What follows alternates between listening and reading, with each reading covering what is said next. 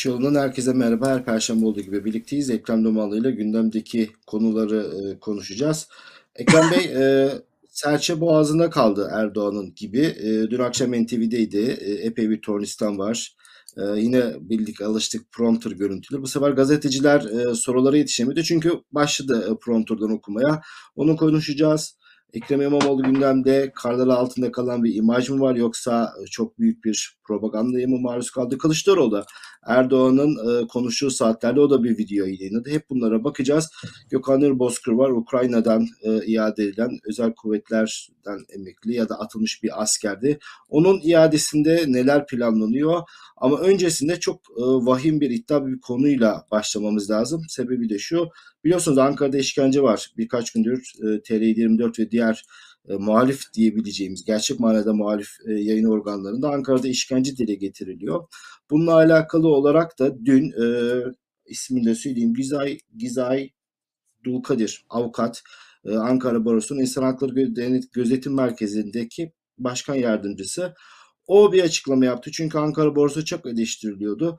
Biz 48 saattir bu olayı inceliyoruz. E, ifadeleri aldık. Bir rapor hazırladık. Baro'ya da sunduk. Ama Baro'nun açıklaması çok yetersiz bir açıklamaydı. Hatta Ömer Faruk Gergerlioğlu bile böyle kemkün bir açıklama mı yapılır dedi. Bugün Baro Yönetim Kurulu kararını açıklamış. Suç ihbarında bulunacağız demişti ama önce dışişleri mensuplarına işkence iddiası olduğu zaman Ankara Barosu çok önemli bir görevi ifade etmişti. Hem kayıtlara geçilmişti hem de e, bu işin bilinmesine çok katkıda sağlamıştı. Ama bugün böyle bir şey göremiyoruz. Ee, size hemen soracağım hem bu iş işkence iddialarının hem de baronun bu durumunu. Yani Ankara Barosu veya genelde barolarda bir kan değişikliği yakın zamanda seçimle oldu. Yani tavır değişikliğini nereye bağlayalım dediğiniz zaman insan ilk aklına gelen şey e, güya daha demokratik, daha çoğulcu, daha kapsayıcı, daha her kesimi kucaklayıcı görünen Feyzoğlu felaketinden sonra ki Feyzoğlu'nun da ne olduğu hala belli değil. Bilmem sen var mıydın yanımda bir beni telefonla aramıştı. Bak bak konuya geçmiş olacağım ama telefonda söylediği sözler yani kaydetseydim keşke Feyzoğlu'nun peşinden bir e, e, heyula gibi gelirdi. Erdoğan'a söylemedik söz bırakma. Ben gözaltına alınıp bırakıldıktan sonraki konuşmayı söylüyorum. Ekrem Bey bu adamı mahvedeceğiz. Bu adam duramayacak bu adam kaçacak, demokrasiyle bunun hakkından geleceğiz.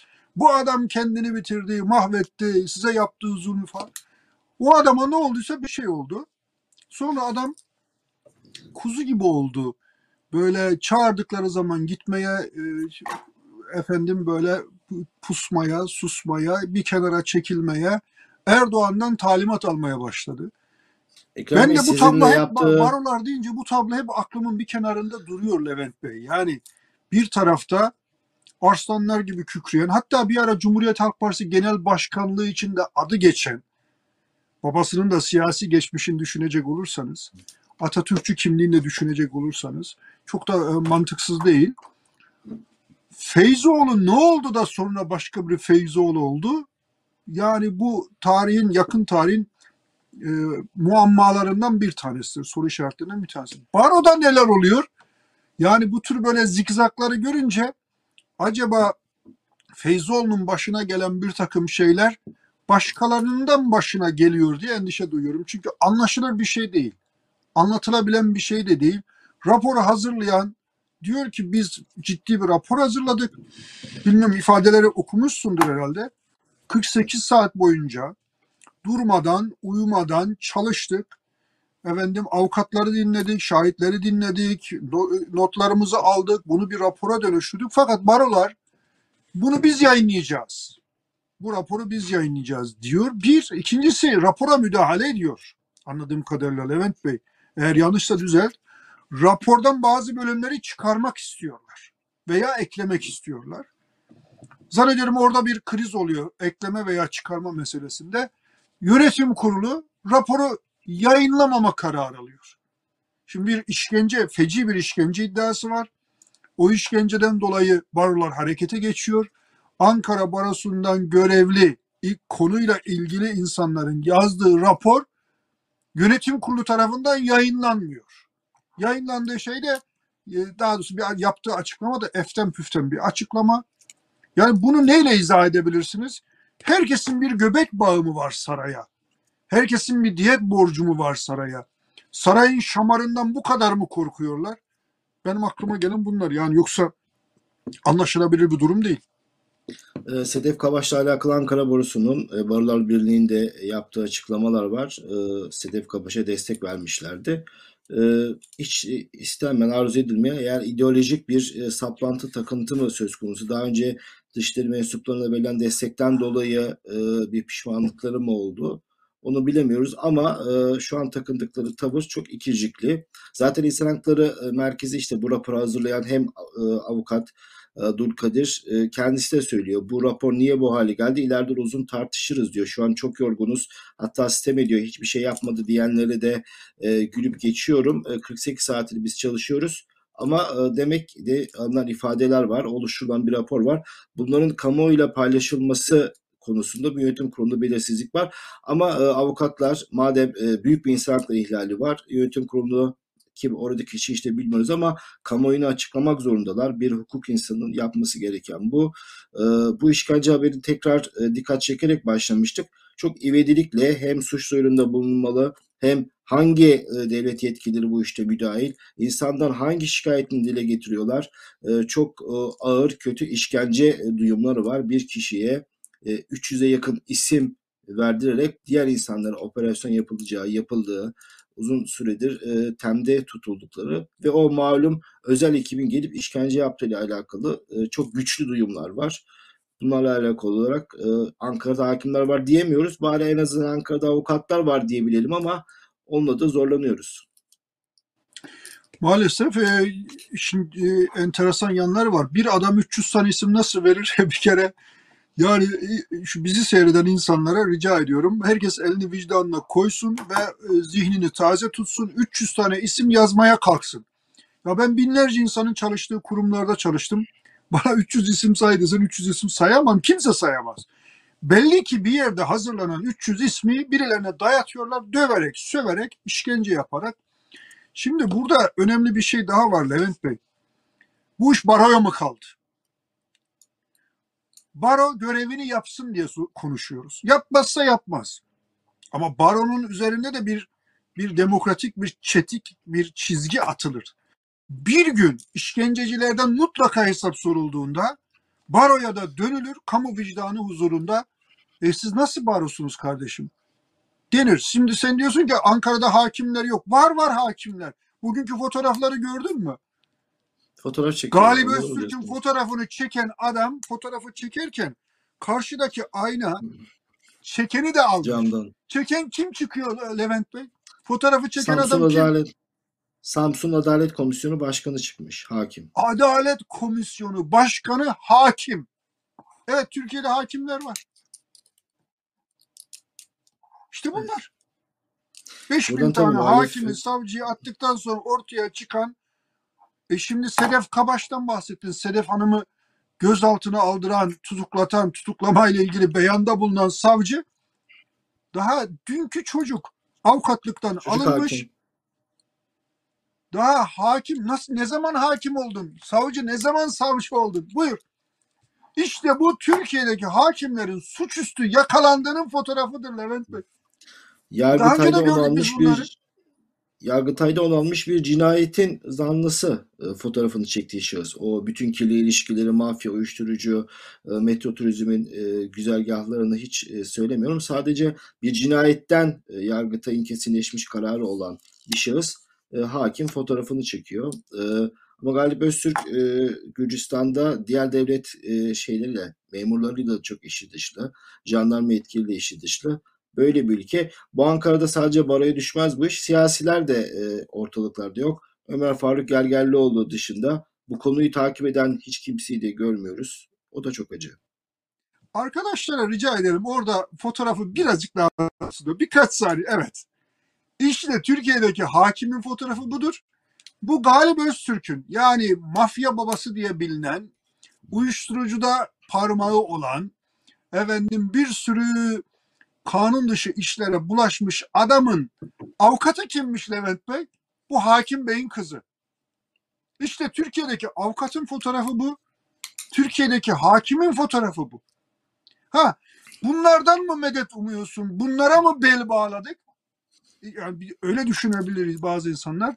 Hayır onlara diyorsun görevinizi yapın. Baro görevini yapmak zorunda. Yapmazsa yapmaz. Ama alnında kara bir leke olur.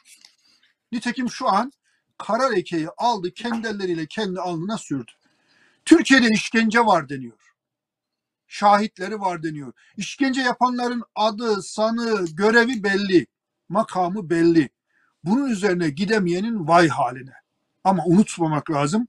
Bir gün işkencede mürürü zaman yoktur. Hesap verecekleri zaman bu işkenceye susarak göz yumanlar, yazılan raporu ortaya koymayarak suça ortak olanlar da herhalde yad edilecektir diye düşünüyoruz. Evet bunları yad ederken meslekten atılan hakim ve savcıları da e, bahsetmek lazım. Neden atıldıkları e, belli.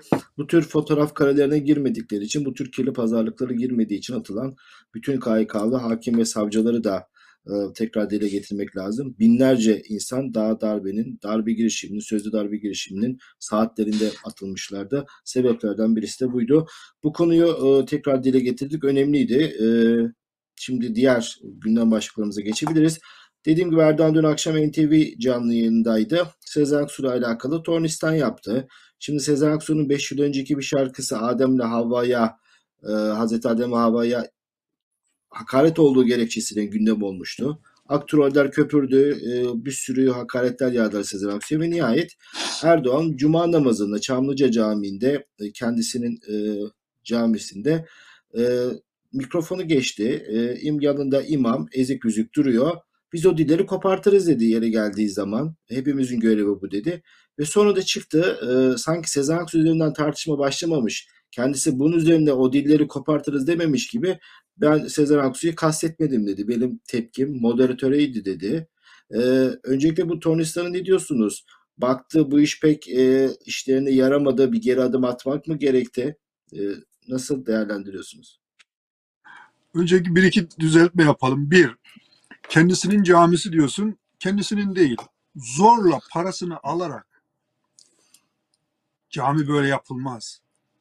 Osmanlı döneminde de Selçuklu döneminde de dünyanın hiçbirinde de cami iş adamlarının ensesine silah dayar gibi ruhsatı veya teftiş raporlarını sunarak buraya şu kadar para göndereceksin diyerek legal ve illegal yollarla kirli paralarla cami yapılmaz. Gönülsüz paralarla cami yapılmaz. Babasının camisi de değil, kendisinin camisi de değil. Olmuş bitmiş. Ama bunu da tavsiye ederim. Bir. İki. Ya boş ver Sezen Aksu'yu ve Sezen Aksu ile ilgili tartışmayı. Senin camide böyle konuşma hakkın nereden var kardeşim? Camide niye siyaset konuşuyorsun sen? Cami cami bir parti binası mı? Evet. Cami dediğimiz yer Siyaset niye konuşuyorsun? Niye siyaset konuşuyorsun? Cami dediğimiz yer her siyasi partiden insanın geldiği ve Allah'a karşı ibadet ettiği yer değil midir? Cami birleştiren bir yerdir. Cami zaten cem eden demek. Arapça bir kelime. Birleştiren demek Levent Bey. Camide küsler barıştırılır. Ca- camiyi biz çocukluğumuzdan beri düşün. Camide nedir insanlara ne denir? Küsler barışsın, birbirinizi affedin, birbirinize sarı. Cami sosyal barışın, birliğin, beraberliğin, duygudaşlığın, gönüldaşlığın bir simgesidir cami ya. Sen camide niye siyaset konuşuyorsun arkadaş ya? Sen kimsin? Hangi sıfatla Hayır sen konuşuyorsun? bırakın siyaseti sen niye camide konuşuyorsun? Yani e, emrül müminin falan yani niye konuşuyorsun? İkincisi dediğiniz gibi niye siyaset konuşuyorsunuz? Ve e, kin, git nefret. e, Ya git parti binanda konuş kardeşim ya. Meydanda konuş. Camide siyaset bu siyasal İslamcıların çok önemli bir arızasıdır bu Levent Bey. Bak geçenlerde aklı başında aklı başında bir siyasal İslamcıyı aklı başında diyorum iyi kötü. YouTube'da rastladım. Siyaset İslam'ın ta kendisidir diyor. E dedim amma saçmaladın ha. Hiç de öyle değildir. İslamiyet bir parti programı değildir. İslamiyet bir ideolojiya örgüsü değildir. İslamiyet bir ideoloji de değildir. İslamiyet çeşitli etnik kökenden gelen, çeşitli inançlardan gelen, çeşitli kültürlerden gelen insanlara iç barışına davet eden, öbür dünya için de cennete davet eden ilahi bir mesajdır. Bunu sen nasıl parçalarsın? Bu vazoyu nasıl kırarsın? Tabii Ya bir kere burada bu- bir burada- durmamız lazım. Ben Levent Bey bunu bunu konuşmadıktan sonra Sezen Aksu meselesinde Sözen Aksu da gelelim. Ama asıl olan bu. Ya arkadaş konuşma ya. Ya konuşacak arena bulamadın da camide mi konuşuyorsun? Kimsin? İmam değilsin. İmam müezzin bile olsa bunları konuşamazsın. İki, ya dil koparma nedir kardeşim? Kafa kesme nedir? Levent Bey ben sana inandığım şeyi söyleyeyim. Her şey aslına rücu eder diye bir laf var. Erdoğan çocukluk döneminde, gençlik dönemindeki o saldırgan, o dünyayı anlamayan, dünyadaki renkleri göremeyen, dünyadaki farklı sesleri duyamayan, dar bir çerçevede bir siyasi ideoloji içerisinde kin ve nefrete dayalı ta ilk gençlik yıllarına döndü. İçindeki o azgın canavar yeniden hortladı veya kendisi aslına döndü. Bu hırçınlık nedir ya? Dil koparma nedir? Sen cumhurbaşkanısın. Dil koparma nedir ya? İşit mensubu musun? Yani nedir bu? El-Kaide mensubu. Şimdi e, Afganistan'da bir görüntüyü seyretmişsindir.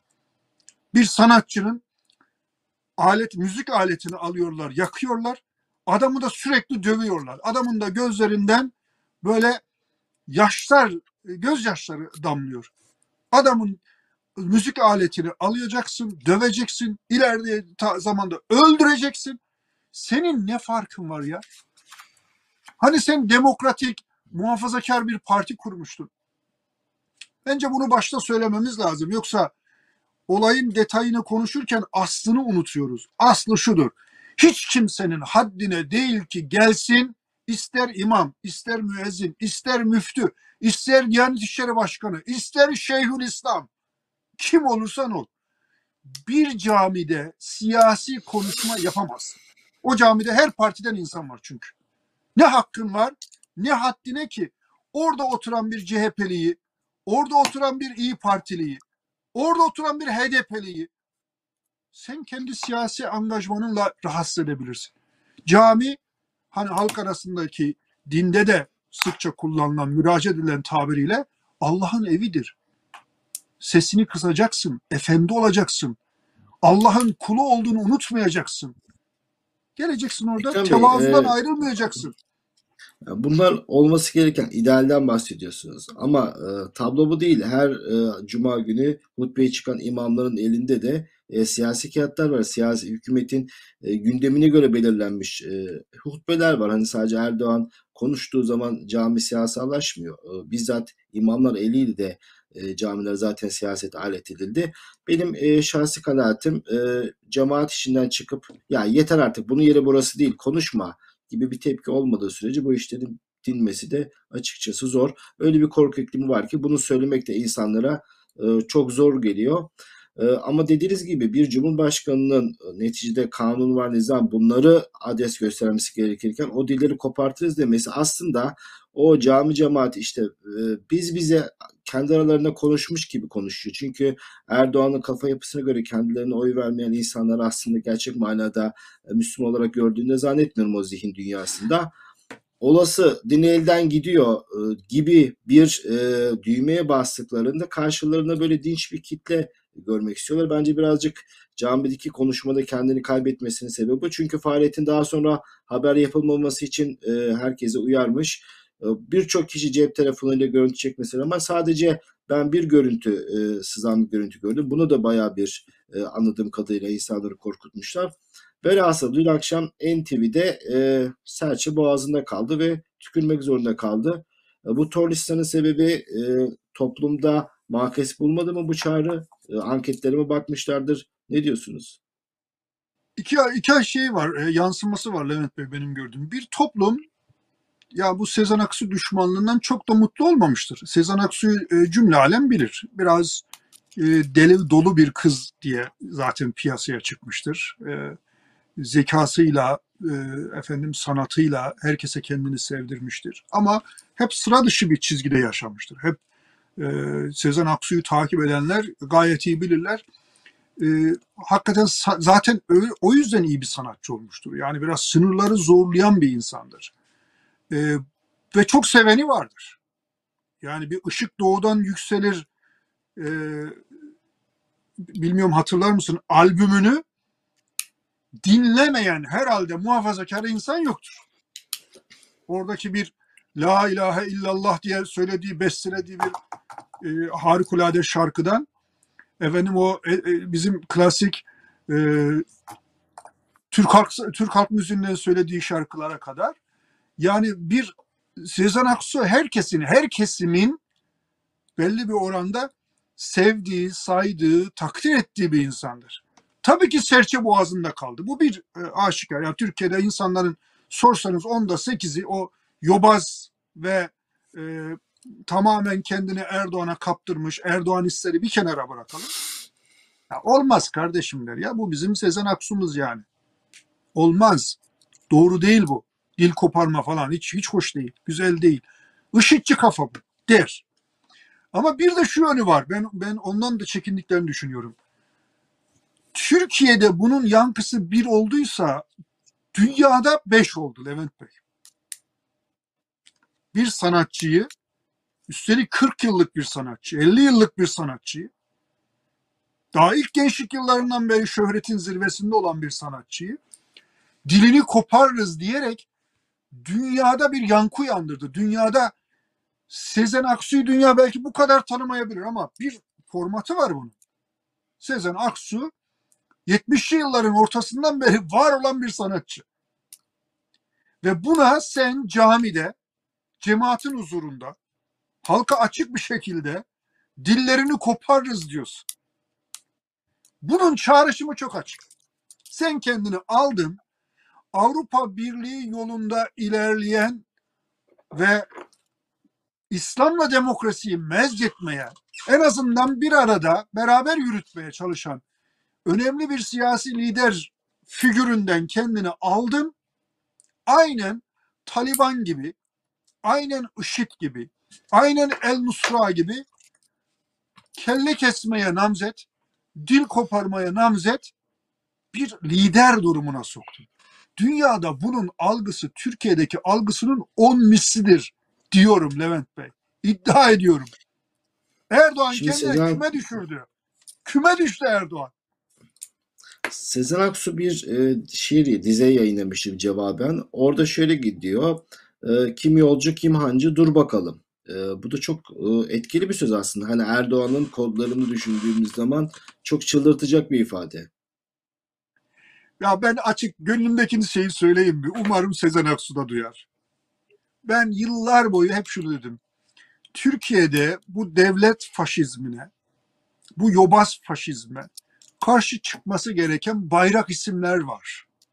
Bunların ilk üç desen, ilk beş desen ben daima başına Sezen Aksu yazarım. Çünkü bir duruşu olan bir hanımefendi. İdeolojik bir duruşla. Onu sahici bulmayanlar olabilir, onu gerçekçi bulmayanlar olabilir. Hatta onu geçmiş dönemde özgürlükçü tavırlarından dolayı evet ama yetmezcili bulup yaftalayan bazı onlar da ayrı bir faşist. Fakat kim ne derse desin Sezen Aksu cesur bir sanatçıdır.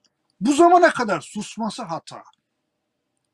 Belki de sustuğundan dolayı kader geldi önüne bir kaderden çizgide bir bir pas attı. Ta geldi onun diline geldi dayandı iş. Hani bıçak kemiğe dayandı diye bir laf vardır ya Levent Bey. Türkçemizde. Bıçak geldi dile dayandı. Şimdi Mevlana'dan alıntı yaparak söylediği şarkı vardı Sezen Hanım'ın. Sezen Aksu'nun. Hatırlar mısın? Yani dün dünde kaldı cancağızım. Bugün yeni şeyler söylemek lazım diyordu. Mevlana'ya atıfta bulunarak. El hak doğrudur. Sezen Aksu'nun bugüne kadar suskunluğu benim hayretler içinde kaldığım bir olay. Bir tarafa angaj olması gerekmiyor. Bir yerden gözükmesi gerekmiyor. Ama bu kadar kadının hapishanede süründüğü, bu kadar çocuğun hapishanede doğduğu ve büyüdüğü, bu kadar insanın mezalim üstüne mezalime maruz kaldığı bir dönemde e artık Sezen Aksu konuşmayacaksa, Cem Yılmaz konuşmayacaksa, Ajda Pekkan diyeceğim ama o çok daha plastik, çok daha böyle e, Sezen Aksu kadar sahici gelmiyor bana. Bu plastik tabiri Zaten- biraz Necip Fazıl'ın Yahya Kemal'e söylediği bir sözdür. Yanlış anlaşılmasın. Daha böyle dışa, e, görünüşe, daha doğrusu daha görünüşe hevesli, görünüş. Ama ben Sezen Aksu'yu daha böyle duruşu sağlam bir sanatçı olarak hep bildim, tanıdım. Öyle Türkiye'de öyle tanıdı, öyle sevdi. Şu ana kadar susması hataydı Levent Bey. Yani bıçak gelip diline dayandığı zaman konuşması Sezen Aksu'nun bir eksisidir. Ama yine de verdiği cevap çok tesirlidir. Evet, birileri hancıdır, birileri avcıdır, birileri yolcudur. Ava giden de avlanır. Şu anki avcılar kendilerini çok güçlü hissediyorlar. Herkesi avlayabileceklerini zannediyorlar. Ama göreceksiniz, göreceğiz. Kader öyle devam etmeyecek. Sezen Aksu çok e, Çetin Ceviz çıktı, Demir diye çıktı. E, ama Sedef Kabaş e, şu an hapiste. Sedef Kabaş bir atasözünden Nazire Erdoğan'a hakaret ettiği gerekçesiyle de tutuklandı. Sedef Kabaş'ı kurtaracak hiçbir mekanizma da yok ülkede. Hani bazen insanlara niye konuşmuyorsunuz vesaire bazen konuşuyoruz ama hani Türkiye gerçeği de bu ama çıkıp konuşmadan da bir şey değişmiyor. İşte Sezen Aksu örneğinde olduğu gibi işkence iddialarından bahsediyoruz e, sayıca yüzlerle e, bahsettiğimiz sayılar var. Ya burasının 4-5 tane aile ferdi olsa zaten büyük bir kalabalık olur Ekrem Bey. Yani bu dahi yok. Hani insanlar kendi aile fertlerine dahi işkence altında olmasına rağmen sahip çıkmıyor. Sedef Kabaş şu an hapiste. Yine e, bazı muhalif medyada gündeme geliyor ama Sedef Kabaş'ı içeriden çıkartacak bir adalet ışığı mekanizma da yok. Yine e, gündeme şeye kalmış, insafa kalmış. Şimdi Sedef Kabaş'ı da şöyle takdir etmek lazım. Yani doğruya doğru eğriye eğri konuşmak lazım. Sedef Hanım hiç de üzerine vazife değilken çok cesur çıkışlar yaptı ve e, yapılan haksızlıklar karşısında susmayacağını ortaya koydu. Söylediği e, bir Çerkez atasözü yani e, kim üstüne alınırsa alınır, nereye giderse gider türünde bir laf. Ama orada işleyen mekanizma Adalet Bakanı çıkar, gerekli cevabı alacaktır, gerekli cezayı alacaktır derse hangi hakim Sedef Hanım'ı tutuklamadan bırakabilir? Yani maalesef Türkiye'de adaletin geldiği çocuk oyuncağı gibi geldiği nokta bu. Ama nedir Sezen Aksu'nun yaptığı suç nedir? Efendim Sedef Kabaş'ın yaptığı suç nedir? İdamlık bir ceza mıdır? Şimdi bir şey söyleyeyim. Her şey unutulur. Sedef Kabaş'ın naklettiği ve hiçbirimizin de daha önce doğru dürüst bilmediği yani o atasözü asla unutulmaz bir Levent. Neydi o atasözü tam cümle itibarıyla? Yani öküz saraya çıkınca kral olmaz ama saray ahır olur e, tarzı bir şey. Çok güzel. Ya, ya Allah Önemli için şey doğru değil mi? Allah yani Allah için doğru. Bazı insanlara bakınca bu cümleden öküze hakaret çıkar. Adama hakaret çıkmaz. Erdoğan diyor ki bu e, benim şahsımla alakalı bir şey değil. E, bu devletin alametlerine, e, makama yönelik bir hakaret. O yüzden bu işler çok önemliymiş. Bunun takipçisiymiş. On binlerce insanı sanki hapse atmamışlar gibi. Sanki hırsız var diye bağırdığında senin yanına yaklaşıp Cumhurbaşkanı hakaretini almıyorlarmış gibi. Yani dün akşam program inanın yalanı bin para gitti. Zaten bir kişi var prompterdan yazı okuyor onu seyrediyorsunuz. E, girişte de bahsetmiştim. Mesela Meral Akşener'le alakalı Meral Akşener'in Abdullah Öcalan'ı serbest bırakacaksınız iddiasına ne diyorsunuz tarzı bir soru var herhalde listede. Daha onu beklemeden prompterdan cevaplar okumaya başladı. Gazeteciler panik yaptı. Hemen araya Meral Akşener lafı sızdırdı. Tam bir skandal e, yayını bence. Ekrem İmamoğlu da çok sert e, daldı diyelim amiyane tabirle. Basiretsizlikle suçladı. Ben Tayyip Erdoğan İstanbul Belediye Başkanı olacak da bunu evime gidip yatacağım olur mu? gibi e, kendi İstanbul Belediye Başkanlığı dönemini hatırlattı. Yani demek istediği İstanbul dahi yönetemeyen bir adam ülkeyi mi yönetecek e, algısına pekiştirmek için çok çaba sarf etti. Bu İmamoğlu tartışmaları ne diyorsunuz? Ekrem İmamoğlu'na çok orantısız bir kuvvet uyguluyorlar. Mobese kamerayla takip ki İmamoğlu'nu takip için Mobese kameralarına ihtiyaç yok. Zaten kendisine verilen koruma polisleri devletin polisi. E, ne adım attığını zaten devlet dakika ve dakika e, takip edebiliyor. Bu İngiliz Büyükelçi ile yemek e, ben salı günü nöbetçi editörde de e, birazcık değindim. Yani böyle bir kar felaketi bekleniyorsa yani eşli yemek formatı değiştirebilirsin. E, bir ofis toplantısına çevirebilirsin. Yani neticede bir İngiliz Büyükelçi Türkiye'de yaşıyor zaten. Hani 40 yılda bir kere İngiliz Başbakanı değil. Kraliçeden sana mesajla e, getirmiyorlar. Çok rahat yönetilebilecek bir şey. İletişim e, başarısızlığı yüzünden kendi kalesinde gole dönüştü diye düşünüyorum. E, siz ne dersiniz? Bir kere Erdoğan, hangi Erdoğan konuşuyor insanların kafası karışık.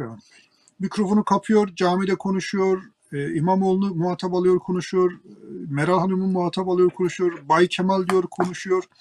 Arkadaş sen kimsin? E ben Cumhurbaşkanıyım, bana hakaret edemezsin. E ama Cumhurbaşkanı gibi konuşmuyorsun. Siyasi parti genel başkanı ben diyor aynı zamanda diyor. Tamam adam hakaret ediyorsa sana genel başkan olarak hakaret ediyorsa ne olacak? Kendisine yapılan bütün hakaretlerde Cumhurbaşkanı sıfatı var. Kendisinin yaptığı bütün hakaretlerde genel genel başkan sıfatı var.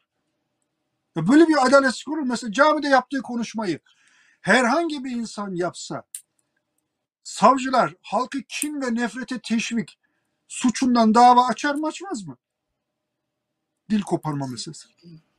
Yani, Yani, bu, şimdi- de, evet. Bir kere Erdoğan bir o şapkayı çıkarıyor, bir bu takkeyi giyiyor. Bu bir efendim şapkadan bir tavşan çıkarıyor, bir de sincap çıkarıyor. Bir kere buna kanmamak lazım. Kimsin sen arkadaş? Hangi sıfatla konuşuyorsun? Ekrem İmamoğlu mesela sen hangi sıfatla muhatap alıyorsun? Bir kere burada durmak lazım. AKP Genel Başkanı olarak. Ya istersen şöyle yap sen programı. Ben bu, bu programda AKP Genel Başkanıyım de öyle konuş. Bir programda ben Cumhurbaşkanıyım diyor. Ya kardeşim bu kadar devletle parti iç içe girdiği zaman at izi it izine karışır dedi şey e, damat. Allah var doğru söyledi. Hangisi at hangisi it belli değil. Hangi iz ata ait hangi iz ite ait belli değil. Özür dilerim seyircilerimizden.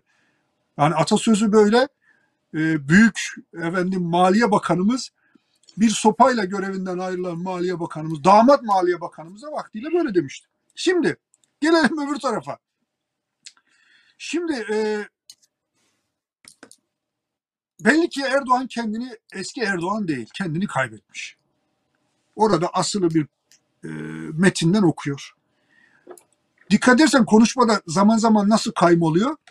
Mesela Sezen Aksu'dan bahsederken bir anda herhalde bir sonraki sayfa geldi önüne e, başka bir şeyden bahsetmeye başladı. Yani Meral Akşener'den bah- bahsetmeye başladı. Zaten kamera açısını daha önceki e, programlarda tecrübe edinmişler. Kamera açısını öyle bir ayarlamışlar ki sadece kendisi ve prompter'a bakışı var. Çok enteresan. Şimdi hani ulusal sesleniş konuşmaları, bir açıklamalarda, mitinglerde prompter kullanılabilir. Bunu bütün dünyada bütün liderler kullanıyor ama gazetecilerin soru sorduğu canlı bir yayında prompter bize özgü bir rezillik.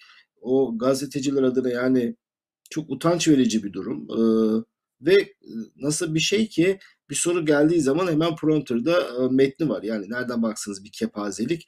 Buna rağmen e, bunları sürdürmeye devam ediyor ve özellikle Ekrem İmamoğlu'nun birazcık e, eleştirildiği bir yerde çıkıp üzerine tepemek için e, canlı yayına çıktı. E, o kısım hep konuşulmuştu. E, bu İmamoğlu yemek meselesine gelirsek e, kar yönetimi, e, İstanbul'a kar yağdı, ortam soğudu ama siyaset çok ısındı. Her fırsatta İmamoğlu'nun birazcık prestijini, itibarını zedelemek için fırsatı da kaçırmıyorlar. Valla İmamoğlu'nun e, İngiliz Büyükelçisiyle yemek yemesi e, ben şöyle bir baktım e, aslında Aralık ayında Büyükelçiyle bir görüşmüşler. Evet. Yanılıyor muyum bilmiyorum. Yok. Yani Aralık var, ayında görüşen bir insan bir de Ocak ayında görüşüyor. Belki gizli bir toplantı değil bu. Hani gizli toplantı yapmak isteyen insanlar e, gizli bir yerde buluşur. En azından kapalı bir mekanda buluşur. Şimdi diğer müşterilerin de olduğu bir restoranda buluşuyorlar. Bir, ailece buluşuyorlar. İki, benim burada anladığım şeylerden birisi şu. Her ne kadar İngilizler son 5 yıldır, 7 yıldır İngiliz devleti, İngiliz hükümeti Erdoğan'ın sağında, solunda, önünde, arkasında çok dursa da bence İmamoğlu'nu iki defa, bir ay, bir buçuk ay içerisinde iki defa Büyükelçisiyle görüşmesi Erdoğan'a bir mesajdır Levent Bey. Bak Erdoğan buna hiç temas etmiyor ama ben bildiğim Erdoğan'ı söylüyorum. O kadar öfkelenmiştir ki. Ve sana yine bildiğim bir şeyi söyleyeyim. Bak belki daha önce söylemişimdir. Çok Demiş- birinci kaynaktan söylüyorum. Abdullah, Abdullah Gül, Gül'ün geçtiği yol evet. Abdullah Gül İngiltere'ye gitmişti biliyorsun 8-10 gazeteciyle. Onlardan birisi de bendim. Beraber gitmiştik. Kraliçe kendi locasında e, Londra Senfoni Orkestrası'nı dinletmişti misafirlerine. Bir akşamda özel yemek vermişti vesaire. Bunu televizyondan izlerken yanındakilere ben demedim mi bu Abdullah İngilizlerin adamıdır diyordu. Sonra gitti İngiltere'ye sarmaş dolaş. İngilizler bana göre yani seversin sevmezsin İngiliz devletinin politikalarını eleştirirsin öteden beri 100 yıldır 200 yıldır özellikle Orta Doğu topraklarında. Fakat şunu kabul etmek zorundasın. İstediğin kadar eleştir. İngilizler siyaset biliminin en güçlü, en kudretli oyuncularından birisidir dünyada. Şimdi ben tesadüf gibi görmüyorum Levent Bey. Yani İngiliz Büyükelçisi Aralık ayında Ekrem İmamoğlu'yla bir görüşme yapacak. Ocak ayında da tekrar halkın görebileceği, dolayısıyla takip edildiklerini bildiği için devletin kulağına gidecek, Erdoğan'ın kulağına gidecek şekilde. Kar yağmasaydı bile. Bak bunu bir tarafa kaydedelim. Kar yağınca olay, kar bunun üzerini kapattı. Ama kar olmasaydı meseleyi ben şöyle görüyorum. İngiliz Büyükelçi bir ayda iki kez Ekrem İmamoğlu'yla görüşerek sakın ha buraya kayyım atama, bu adamı böyle yok etme gibi bir fırıldak çevirmeyin. Biz bunun yanında değiliz mesajı verebilir. Çünkü çok olağan bir şeye benzemiyor. Fakat gizli bir toplantıda değil, insanlar buna bir gizem yüklemek zorunda değil. Belli ki halkın görebileceği, devletin de görebileceği, fotoğraflayabileceği, görüntü alabileceği bir mekanda ama halkın duymasını da çok istemedikleri bir yemek yapmışlar. Dolayısıyla bir bunu burada bir yere, bir yere kaydedelim. Benzer imajların, benzer mesajların başka ülkelerden verilip verilmediğine de bakmak lazım. İstanbul seçimlerini bir kere kaybettin. Zorluya zorluya, uydurma nedenlerle ikinci kez seçim yaptın. Bu sefer daha bir hezimetle kaybettin. Bunu da hazmedemedin. İstanbul seçimlerinde göstere göstere, bağırta bağırta İstanbul seçimlerini kazanmış bir belediye başkanlığı allem kullem işlerle 500 tane militan aldılar bilmem ne diyerek eğer görevinden alırsan ben tahmin ediyorum İngiltere başta olmak üzere, Amerika başta olmak üzere, Almanya başta olmak üzere bunu yapma arkadaş. Zaten puanın çok düşük. Zaten kendi kendine küme düşürdün. Kendi kendine küme düşürdün. Ekrem Bey yaparsa ne Bu olur? senin için Yani iyi olmaz mesajı veriliyor. Selahattin Demirtaş yıllardır 5 yıldır içeride. Aynısını söylediler. Yapma etme dediler. Osman Kavala devamlı bildiri yayınlıyorlar. Ee, konsey bildiriyorlar. Böyle kaygı bildiriyorlar. Bir şey değişmiyor. Yani İmamoğlu'nu görevden alsa e, siz Erdoğan'ı ciddi alacağını düşünüyor musunuz? Ben bir açıdan bir şey değişmiyor. Türkiye'de adamlar e, şeyleri kapıları kapatmışlar. istedikleri gibi horon tepiyorlar. Ama bir açıdan çok şey değişiyor e, Levent Bey. Erdoğan'ın 8 yıl önceki kredisiyle bugünkü kredisi dünyada aynı mıdır? Türkiye neden böyle bir ekonomik darboğazın içine girdi? Türkiye'ye kim kredi açar? Türkiye'ye kim Şimdi- güvenir? Erdoğan, Erdoğan e, Eskiden bak eskiden ya düşün Obama başkan seçildi. İlk geldiği ülkelerden birisi Türkiye'ydi. Biden böyle bir şey yapar mı? Veya yarın bir gün yeni başkan böyle bir şey yapar mı? Neden? Türkiye'de hukuk katledildi. Türkiye'nin ekonomisi mahvedildi. Türkiye'de keyfi uygulamalar, kanunsuz uygulamalar, adaletsiz uygulamalar hem ticareti, hem siyaseti, hem toplumu bir ateşin içerisine attı. Erdoğan'ın eski kredisi 100 ise bugünün kredisi 10 bile değil. Erdoğan kiminle görüşüyor söylesene. Körfez bazı körfez ülkeleriyle bazı geri kalmış ülkelerin başkanlarıyla. Şimdi ben size söyleyeyim. Ee, şimdi Erdoğan bakar? Erdoğan e, Putin'i davet etti. Putin yakında Türkiye'ye gelecek. Şubat ayında İsrail Cumhurbaşkanı Türkiye'ye gelecek. Şimdi Ukrayna Rusya'nın böyle bir kriz yaşadığı bir yerde Türkiye'nin bu kadar önemli bir yerinde çok da fazla öyle başka bloklara yaklaşmasına izin vereceklerini zannetmiyorum.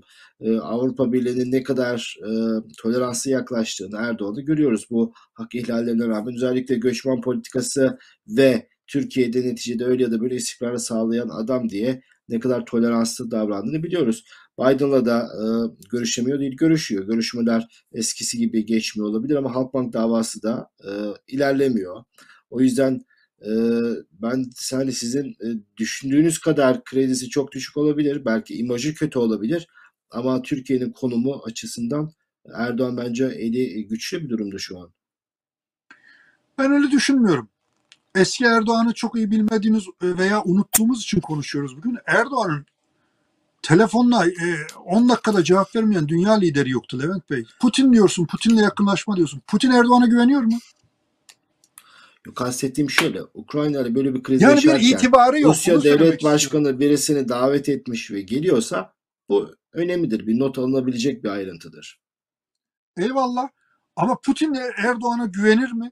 Erdoğan'la ittifak kurarak Aynı bir bir şey. siyaset belirler mi? Çünkü Erdoğan hiçbir testi geçemedi. Rus uçaklarının düşürülmesinden başla, uçağı ben düşürdüm, ben emir verdim diyen Erdoğan'dan el, el pençe divan durup Putin'i dakikalarca kapısının önünde bekleyen Erdoğan'a kadar. Efendim e, Büyükelçinin öldürülmesinde davayı örtbas etmek için havada 10 taklatan Erdoğan'a kadar. Şimdi hiç kimse şöyle devletler arası ilişkilerde tabii ki bir küslük olmuyor. Darıldım sana olmuyor. Senden adam olmaz olmuyor. Çünkü sonuçta bir ülkenin halkı seçmiş ve adamın bir oturduğu koltuk var. Yani bu tamamen irtibatı koparmak mümkün olmuyor. Ama soru işaretleriyle bir liderin bir kenara iliştirilmesi ayrı. Bir de bu adam konuşuyorsa dünya siyasetinde önemli bir yeri var. Aman bunu dinlemeliyiz. Kredi dediğim o. Erdoğan bunu kaybetti. Kimse dönüp yüzüne niye yüz dönüp yüzüne bakıyorlar? İşte bir göçmen krizi var. Sonuçta Ukrayna'da e, meydana gelen krizde Putin'in yalnızlaşması var. NATO ile imtihanı var. Türkiye'nin en önemli NATO ülkelerinden, NATO askerlerinden sayısı en kalabalık NATO askerlerinden birisi Türkiye'de. Türk askeri. Yani bunlardan dolayı tabii ki insanlar seni yok sayamazlar. Bu Erdoğan gerçeğinden değil, Türkiye gerçeğinden kaynaklanıyor. Erdoğan gerçeği ayrı. Bununla yola çıkılmaz. Bunun sözüne güvenilmez. Bu bir, gün bir şey der, başka gün başka bir şey der. Sana bir şey der, arkadan iş çevirir. İmajı Erdoğan'ı güvenilmez lider haline getirdi. Dolayısıyla e, öyle ya da böyle güvenmedikleri Erdoğan'a bak bunu da yapma artık mesajı verilebilir. Yapma denilen şeyi yapınca alaşağı mı edebilirler? Yok. Öyle bir şey olmuyor. Ama itibarı daha da düşer. Daha da kredisi düşer. Ben e, şeyin aynı zamanda şunu da konuşalım. E, İmamoğlu'nun da bu e, kar kış için çok hazırlıklı olmadığı aşikar. Yani onda aklayıp paklamaya gerek yok. E, kardeşim bir B planı sizin hiç mi yok? Bir acil eylem planı sizin hiç mi yok? Ama şunu da unutmayalım. Şimdi terazinin bir kefesine koyalım. Ekrem İmamoğlu ve ekibi kar, kış, kıyametle ilgili bir acil eylem planı yapamamış. Öyle değil mi? Yani insanlar mahsur kaldılar sonuçta. Bunu inkar etmek mümkün değil. Öyle bir dünyaya bir gözümüzü kapatarak bakmak mümkün değil. E öbür tarafta yani karayolları sınavdan geçti de bizim mi haberimiz yok? Tem yolu sınavdan Havaalanı- geçti de bizim mi haberimiz yok? Havalandaki Havaalanları rezalet çıktı da bizim Yani Erdoğan'ın buradaki tutarsızlığını doğru okumak lazım. Ekrem İmamoğlu'nu eleştiriyorsun. Muhtemel Cumhurbaşkanı adayı olur diye kendinin belediye başkanlığı dönemine atıfta bulunuyorsun. Bu bir şark kurnazlığı. Sen 90'lı yılların ortasında yaptığın belediye başkanlığı başka bir şeydi. Tamam oldu bunu kabul ediyoruz. Peki sen niye tem yolundan hiç bahsetmiyorsun? belediyenin sorumluluğu değil ki orası. Şehir arası trafiği belediyenin sorumluluğu değil ki orası. En önemlisi Türk. Hava Yolları'nın işlediği rezalet ve senin böbürlene böbürlene dünyaya anlattığın havalanındaki rezalet ne? O çatının çökmesine, karları temizleyememe ne demek? Ya düşünebiliyor musun? İnsanlar 19 saat, 29 saat uçağın içinde kalıyor da kar küremeyi beceremiyorsunuz. Türk Hava Yolları Genel Müdürü hava atmayı biliyordu. Efendim eşiyle beraber ayağının altına kırmızı hallar sermeyi biliyordu. Gör- İmamoğlu etti B planını yapamamış da Türk Hava Yolları yapabilmiş mi? Şöyle e, havaalanının karların temizlenmesi Türk Hava Yolları'nın e, alanına gelen bir durum değil. E, orası havaalanı işletmesi yükleyici firmanın yapması gereken şey. Ama her yönüyle bütün kurumlarıyla sınıfta kaldığı kesin. İstanbul Ankara e, otoyolu kapandı. İstanbul'a girişler yasaklandı Bolu civarında. Saatlerce yolda kaldı. Dediğiniz gibi devlet de belediye de muhalefette iktidar da bu karın altında kaldı aslında hizmet e, sınavında. Olan vatandaş oldu. E, vatandaş ya biz niye mağdur olduk? Sizin didişmeniz yüzünden mağdur olduk diye hesap sorması gerekir, düşünmesi gerekir diye düşünüyorum. Ama tabii e, İmamoğlu dediğiniz gibi Cumhurbaşkanlığı potansiyellerinden biri olduğu için e, her fırsatı değerlendirecek bir algı yönetimi de var. O zaman daha dikkatli olacaksın. Yani e, balıkçıda yemek yemeyeceksin, ofiste görüşeceksin. Kar geliyorsa toplantı üzerine toplantı bütün araçlarını seferber edeceksin. En azından e, çok daha farklı bir e, imaj vereceksin diye düşünüyorum. E, Ekrem Erdoğan e, NTV'deyken bu arada şunu söyleyeceğim. E, Kılıçdaroğlu'na lafı getireceğim. E, Kılıçdaroğlu da Ekrem İmamoğlu'nun e, bu birazcık karlar altında kalmasından e, mutlu mudur sizce? Tahmin etmiyorum mutlu olacağını. Çünkü sonuçta bu CHP'ye de yazılıyor. Yani Ekrem İmamoğlu sadece Ekrem İmamoğlu değil. Yani sonuçta Cumhuriyet Halk Partisi'nin seçtiği bir belediye başkanı. Neye rağmen Türkiye'nin birçok şehri AKP tarafından, AKP'li belediyeler tarafından yönetildiği halde Türkiye'nin incisi, Türkiye'nin dünyaya e, açılan yüzü İstanbul'u halk sana teslim etti. Ekrem Bey'i aday gösteren sensin. Dolayısıyla e, bunun hesabı sadece İmamoğlu'na yazılır, Müezzinoğlu'na yazılmaz diye bir şey yok. Herkese yazılır. Partiye de yazılır. Kemal Bey'e de yazılır. şöyle e, Cumhurbaşkanı adaylığı kısmı geldiği zaman eğer bu anketlere yansımış bir e, beyin algısı düşmüşse o zaman Kemal Kılıçdaroğlu'nun eli güçlenebilir. Eğer kendisi Cumhurbaşkanı adaylığını düşünüyorsa kafasında en azından kendisine bir e, bahane olabilir. Ya da Mansur Yavaş'ın adaylığı yükselmiş olabilir. Unutmayalım ki e, İmamoğlu iki defa yendi. Birincisinde Binali Yıldırım'ı, ikincisinde Erdoğan yendi. E, hem başbakanı hem cumhurbaşkanı yendi. O yüzden batıda da Erdoğan'ı yenen adam algısı olan bir insan. E, uluslararası toplantılara da katılmıştı. E, bir e, kitlesi var. Kendisini destekleyenler var. Zaten bundan dolayı büyük bir rahatsızlık da var. O yüzden e, bu devam edecek. Cumhurbaşkanı adaylığı açıklanana kadar İmamoğlu ile alakalı bu şeyler devam edecek. O daha çok konuşacağımızı düşünüyoruz. Erdoğan e, canlı yayına çıktığında Kılıçdaroğlu saatini ayarlamış büyük ihtimalle. E, tweet attı 22'de size önemli açıklamalarda bulunacağım dedi. 6 dakikalık bir Twitter videosu yayınladı. Evinde kütüphane, mütevazi bir ortam. Evime hoş geldiniz dedi. E, o da işte bazıları sarayda kalıyor. Ben böyle mütevazi bir yerdeyim. Hoş geldiniz dedi. E, bir yolsuzluk açıkladı. İşte 3 milyar liralık bir iş Erdoğan iptal etmiş. Beşli çeteden birisine 9 milyara verilmiş. Ama bu yolsuzluklar artık e, çok sıradan oldu. Sağır Sultan bile şaşırmıyor. Kendisi de söyledi. Gerçekten artık Türkiye'de yolsuzluk haber değeri bile taşımıyor bence. Hani kimse yaprak kımıldamıyor. Ama Kılıçdaroğlu başka mesajlar verdi. O bürokratlardan bilgi belge yağdı. Vatansever onurlu bürokratların hala durduğu. Hatırlarsınız daha önce bürokratlara bir çağrıda yapıp bu hukuksuz düzenin parçası olmayın demişti ve Erdoğan'ın birazcık sinirlerini de bozmuştu. Demek ki orada bir e, maden buldular ki oraya işlemeye devam ediyorlar. E, Kılıçdaroğlu neyi amaçlıyor? Devamlı bürokratlara bu vurguları yenileyerek. Valla aslında işin doğrusu Kemal Kılıçdaroğlu psikolojik üstünlüğü ele geçirmiş durumda Levent Bey. Ama 10 bir sözü defadır Erdoğan belirliyor. Hayır 10 defadır diyor ki çık karşıma. Çık karşıma canlı yayında. A Haber'e çıkalım diyor. Senin gazetecilerine çıkalım diyor. Tamamını sen çağır diyor. Ben sadece konuk olarak geleyim diyor. Senin televizyonunda, senin gazetecilerinle çık karşıma diyor.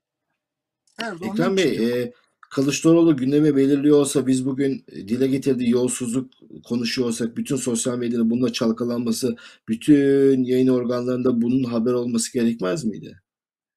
Bir canlı yayın etkisi altında konuşuyoruz. Şimdi canlı yayına çıktı Erdoğan. E, tabii ki onun attığı gündemleri konuş, konuşmak gerekiyor.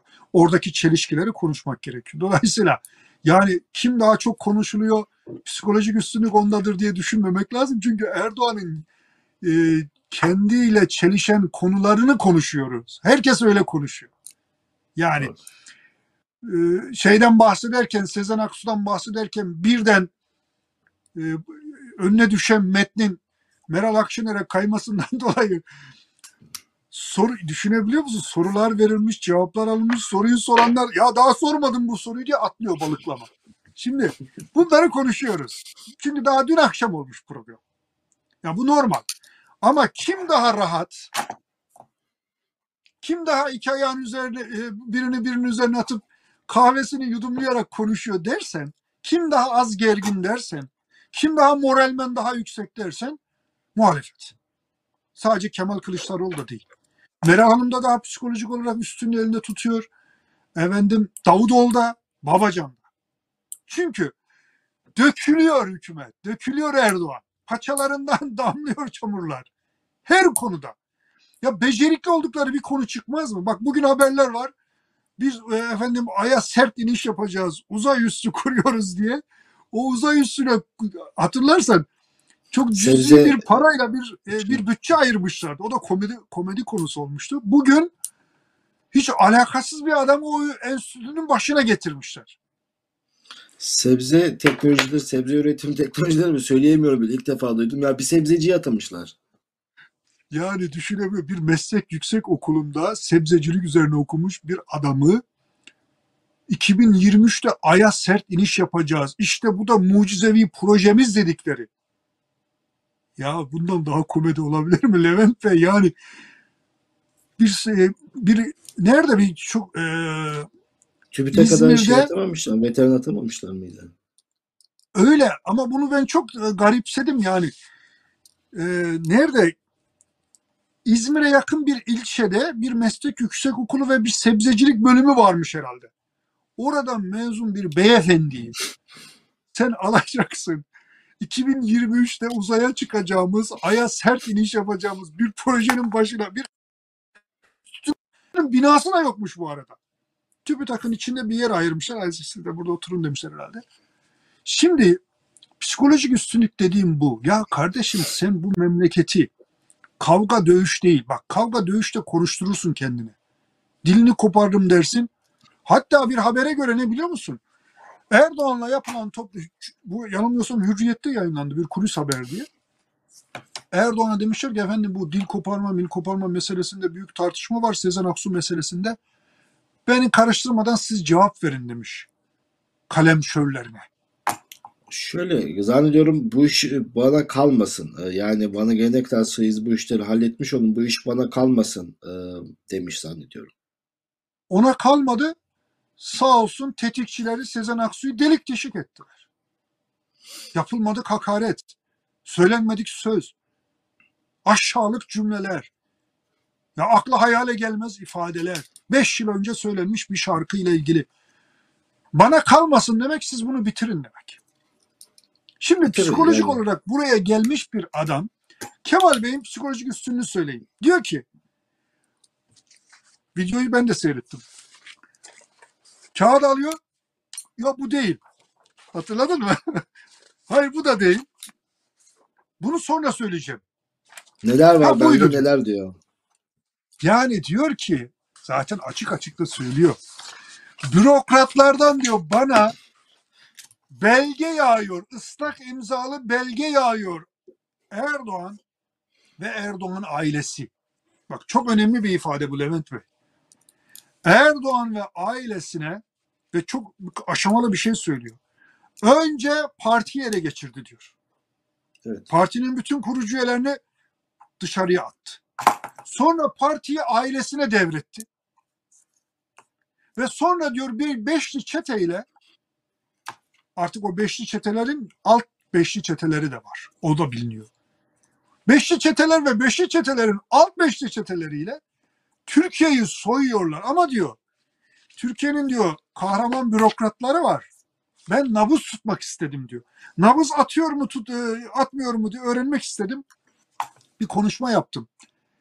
Bu Devletin kahraman bürokratlar ülkeye soyulurken, e, bu mallar giderken ne yapıyorlarmış yani raporlamaysa bir belgeyi uçurmaysa yani ne yapıyorlar bu kahraman bürokratlar? Bir şey engelleyebilmişler mi? Valla asıl kahraman bürokratlar ortaya çıkıp da bir şey yapınca Silivri cezaevinde aldılar. Şu an Silivri cezaevindeler. Yani şimdi Kemal Bey'in de eleştirilecek bir yanı şu. Bir Teoman türküsü söylüyor. Güzel. Teoman da ortada hiç yok bu arada. Teoman ne röportaj veriyor. Sağ olsun, helal olsun. Reza Zerra bunu anlattığına göre rüşveti kabul etmiyor. Satın. Adamın Satın adamın mi adam? ayaklarının altına ne serdilerse kabul etmiyor. Helal hoş olsun. Ayakta alkışlanacak bir adammış. Tamam. E Kemal Bey bu hırsızlığa göz yummayan, bu hırsızlığı, hırsızları kanun çerçevesinde peşini takip edip peşinden koşan polisler, komiserler, emniyet amirleri, emniyet müdürleri ve dahi savcılar, hakimler hapishanelerde çürütülüyor. Bir Teoman'a kalmadı bu iş. Hiç kimse şimdi bir Yakup saygısı olabilir mi? Yakup saygılı olabilir mi? Tabii ki yapamaz. Hiç kimse şu an Silivri cezaevinde veya diğer cezaevlerinde 6 yıldır, 7 yıldır, 8 yıldır haksız yere hırsızı serbest bırakıp da hırsızı yakalayan polisi bu kadar göstere göstere eziyet ede ede hem kendilerini hem eşlerini hem çocuklarını hapse atıldığı bir zamanda kahraman bürokratlar bir Yakup Saygılı gibi ortaya çıkabilir mi? Çıkamaz tabii ki yani. Kemal Bey'in de bunu anlaması lazım. Veya diğerlerinin de bunu anlaması lazım. En azından hakkını teslim etmesi lazım. Mesele sadece bir Teoman Bey değil. Ama buna rağmen Kemal Bey'in bir psikolojik üstünlüğü şu. Diyor ki bana belge yağıyor. Sizinle ilgili belge yağıyor. Ben bunların hepsinin hesabını soracağım. Şimdi bu belge yağıyor. Ne demek biliyor musun? Hani nasıl bir ara bir Fuat Avni diye bir fenomen vardı. Fuat Avni kim? Ali miydi, Veli miydi, içeride miydi, dışarıda mıydı, bir kişi miydi, ben, bin kişi miydi? Erdoğan hatırlarsan konuşmasında herkese yaptığı konuşmada çık ortaya diye bağırdı. Çık ortaya. Şimdi Kemal şey e, Levent Bey Kemal Bey'in açtığı bu kapıda sarayda şimdi şöyle bağırıyorlardır. Bu belgeleri gönderenler çık ortaya. Kimse çıkmaz. Ama belli ki herkes arşivliyor, tutanakları tutuyor, yediğiniz haltları tek tek kaydediyor. Ve bir gün hesap sorulacak diye bekliyor. Dolayısıyla bunun sadece bizimle yani biz uzaktan izleyiciler olarak bizi halk olarak ilgilendiren bir kısmı var. Esas burada mesaj bize değil Levent Bey. Ya Türkiye'deki 80 küsür milyona değil. Buradaki mesaj saraya. Saraya diyor ki Kılıçdaroğlu ne haltlar yendiğini biliyorum. Elimde belgeleri var, ıslak imzalı belgeleri var. Devleti peşkeş çektiniz. Devletin imkanlarını peşkeş çektiniz. Yandaşlarınıza, arkadaşlarınıza kendinizde belli bir yüzdelik alarak zenginleştirmek için olmadık işler yaptınız. Bunun hesabını soracağız. Şimdi bunun sarayda dalga dalga yol açtığı korkunç, uykuları kaçıran bir senaryosu var Levent Bey. Şu an bin tane Nedir Fuat? Avni var. Bin tane Fuat Avni çalışıyor devlette. Herkes bunlar gidici, bunlar gitmese bile bu kadar aşağılık soygun olmaz. Yetti gayrı deyip belgelerini topluyor, biriktiriyor. Topluyor, biriktiriyor. Şimdi e, Bunlar kısa bir süre önce Bir iktidar sahibi için, hele hele otoriteryan bir iktidar sahibi için bir kabustur.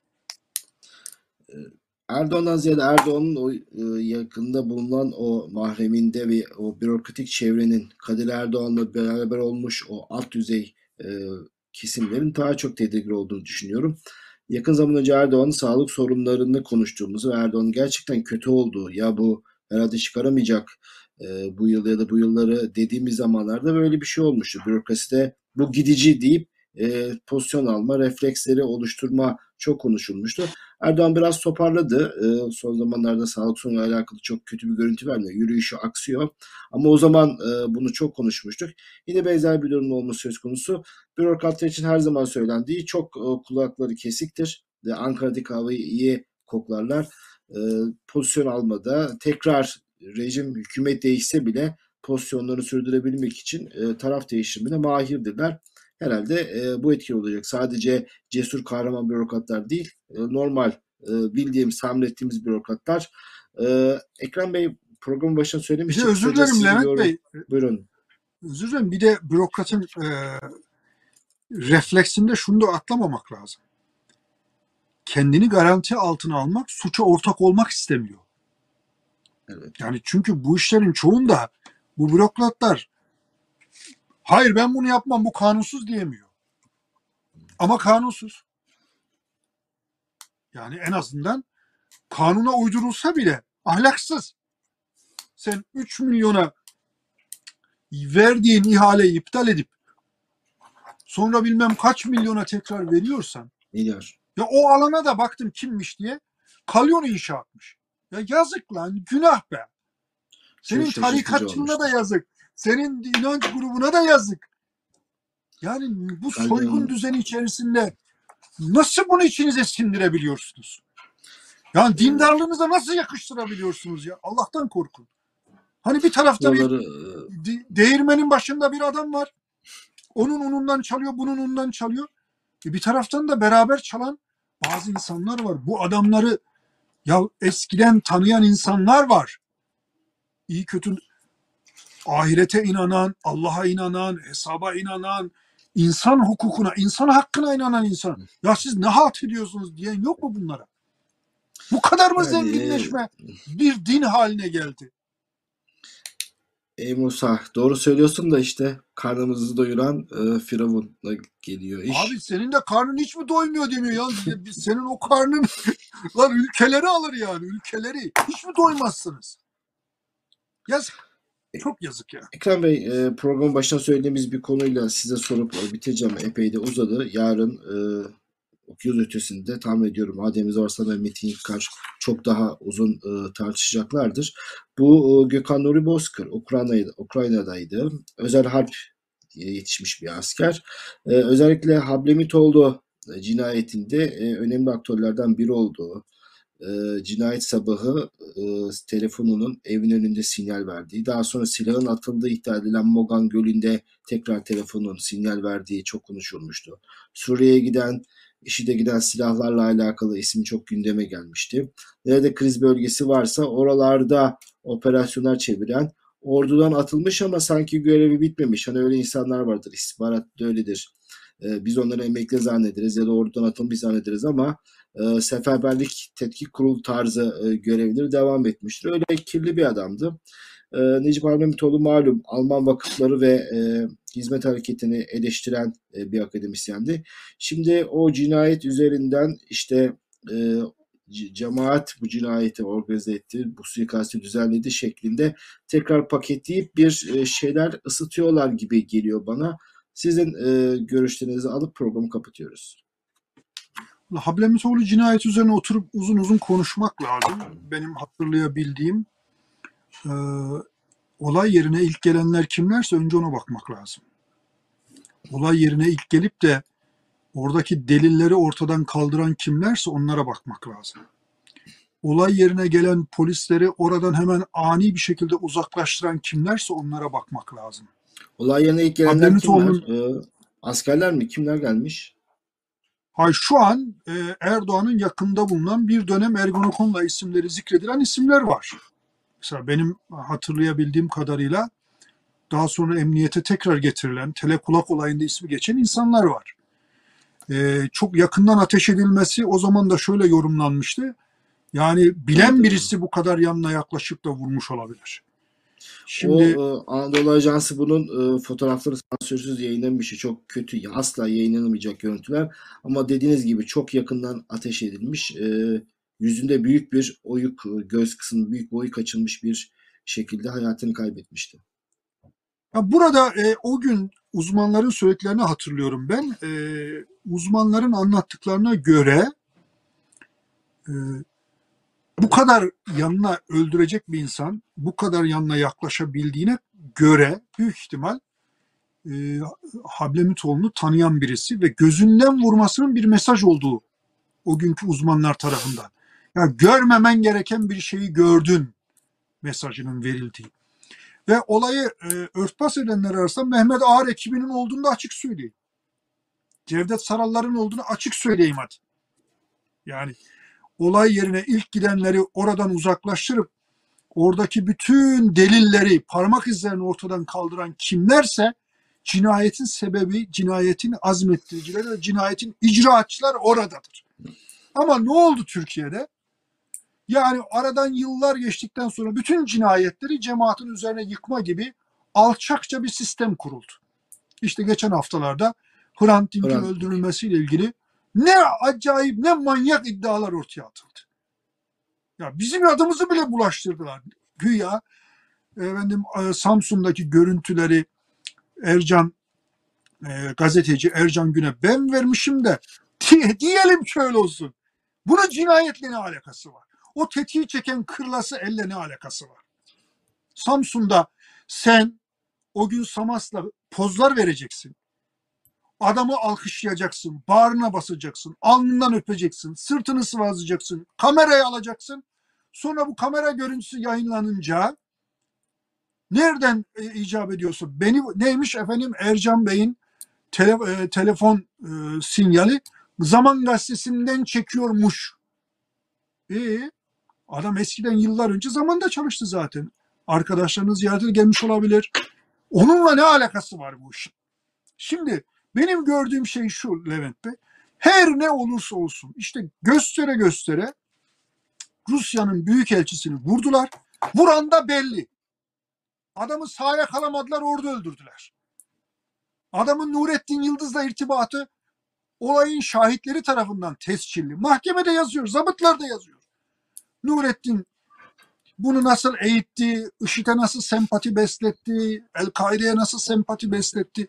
Bunların hepsi ortadayken hepsini ellerinin kenarıyla itiyorlar. Ortaya bir Fethullah Gülen Hoca Efendi'nin adını karıştırıyorlar. Bir cemaatin adını karıştırıyorlar.